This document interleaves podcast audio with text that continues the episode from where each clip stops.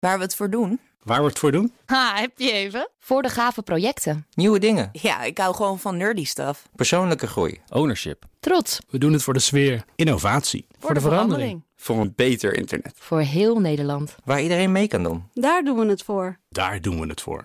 Waar doe jij het voor?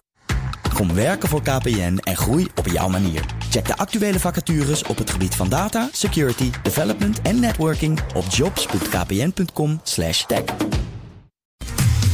Wetenschap vandaag. Nou, dan gaan we nu naar een hele hypothetische situatie. Stel, je wandelt als astronaut door je Marsbasis. Je struikelt, je pak scheurt en je loopt een brandwond op. Zou het dan niet ontzettend handig zijn als je een printer tot je beschikking had, waarmee je een pleister van nieuwe huidcellen zou kunnen printen? Nou, dat is waar we het over gaan hebben met wetenschapsredacteur Carlijn Meinders. Hey Carlijn. Hi. Ja, dit is toch wel een beetje science fiction. Ja, zo klinkt het, maar het is dus dichterbij dan je misschien denkt. Ik weet niet of jullie het je nog kunnen herinneren, maar we hebben het eerder in deze rubriek gehad over het werk van onderzoeker Lorenzo Moroni van het Merlin Instituut van de Universiteit Maastricht. Om je geheugen wat op te frissen, hij werkt aan regeneratieve geneeskunde, weefsels en organen die zichzelf niet meer kunnen herstellen door een ernstig ongeval bijvoorbeeld of een ziekte.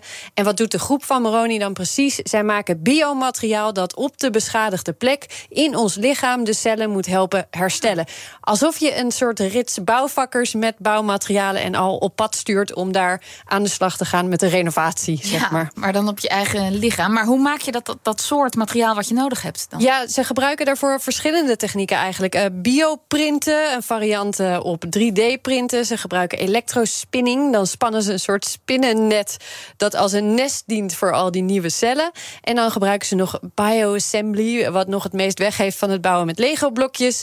Maar dan zijn het blokjes van weefsel. En dat gaat allemaal ons lichaam in? Dat is de bedoeling. Uh, een van de uitdagingen daarbij is dat die nieuwe cellen, de cellen die er al zitten, moeten leren begrijpen. A little bit like in a society where you have an, an, old generation and a new generation coming together and then uh, learning from each other, either from the past history or for the new technological advancement uh, from the younger kids on the block. Uh, the same, actually, we have to understand the communication with this type of different cells and different type of tissues. Nou kreeg Moroni een tijdje terug een telefoontje van de United Nations Office for Outer Space Affairs. Wie wordt niet door ze gebeld? Uh, of hij wat over zijn werk kon komen, te verte komen vertellen. Dat is niet geheel verrassend, want stel, uh, je zei het al even, je hebt een basis in de ruimte, een ruimtestation of een kolonie op Mars.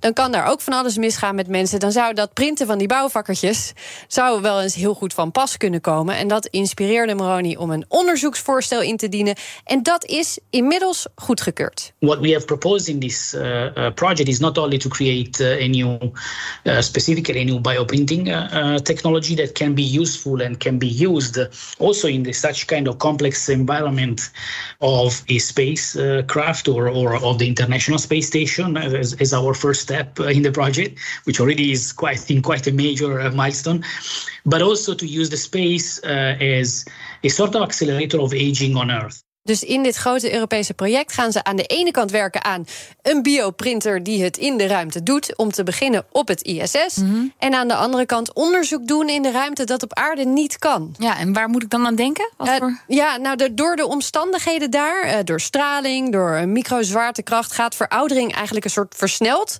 Dus onderzoek dat hier ontzettend lang zou duren, naar de veroudering bijvoorbeeld van bepaalde cellen, medicijnen die dit dan weer tegen uh, zouden moeten gaan, of implantaten in combinatie met cellen uh, en veroudering. Dat kan allemaal in de ruimte gewoon veel sneller. Maar dan zou er dus een wetenschapper de ruimte in moeten om dat soort onderzoek te doen. Ja, dat gaat natuurlijk niet zomaar. Uh, hij zou het overigens heel graag willen, ja. maar zei nee, dat gaat niet gebeuren. Het idee is nu dat ze een model van cellen en zo'n printer naar het ISS sturen. En dat het onderzoek dan eigenlijk vanuit hier plaatsvindt, moeten wel die astronauten die er op dat moment zitten natuurlijk leren wat ze daar dan precies moeten doen, zodat dat dan allemaal goed gaat ook. En, en die printer, moet die dan ook nog heel anders gebouwd worden om in de ruimte te kunnen werken? Ja, uh, zeker, want je zit daar zonder zwaartekracht. Weerstanden zijn anders, je materiaal reageert anders natuurlijk. Uh, maar er zijn uh, ook nog dingen zoals de reis er naartoe, want die gaat niet zonder lancering. Uh, so there will be protections, of course, in the rocket environment, but certainly there has to be some uh, stress tests uh, that that also this machine needs to to pass, like like if it was a small satellite, a very small satellite. Ja, je, je moet gewoon hetzelfde aankunnen als een, als een satelliet bijvoorbeeld die mhm. gelanceerd wordt. Dus je maakt niet. Ja, het is echt heel wat anders dan een, dan een printer bouwen voor in een lab. Je moet eigenlijk gewoon een ruimteinstrument bouwen. Dus daar moeten ze ook wel wat nieuwe kennis voor in huis halen. Uh, maar printen in de ruimte heeft ook weer voordelen. Hier uh, ben je bij het vormen van die weefsels gebonden aan de zwaartekracht. Maar in de ruimte kun je dat weefsel ja, soort zwevend samenstellen eigenlijk. Uh, dan ben je veel vrijer in vorm, kan het wat ruimer groeien wellicht. allemaal dingen die ze dus allereerst in het ISS willen gaan uitzoeken. Nou, maar ik kan me voorstellen dat je ook nog meer dingen kunt printen. Namelijk als er iets kapot gaat aan het ruimtestation of zo. Dat je ook een printer mee. Oh, ongetwijfeld. Staan die al uh, zo'n beetje klaar, dat soort printers? Ja, oh, die zijn er al. Ik denk ja, dat denk ik wel. Een menselijk weefsel, dat is weer een heel ander verhaal. Maar ook dat gaat heel erg snel. Dankjewel, Carlijn. Wetenschap vandaag is mede mogelijk gemaakt door Brightlands. Knowledge Crossing Borders.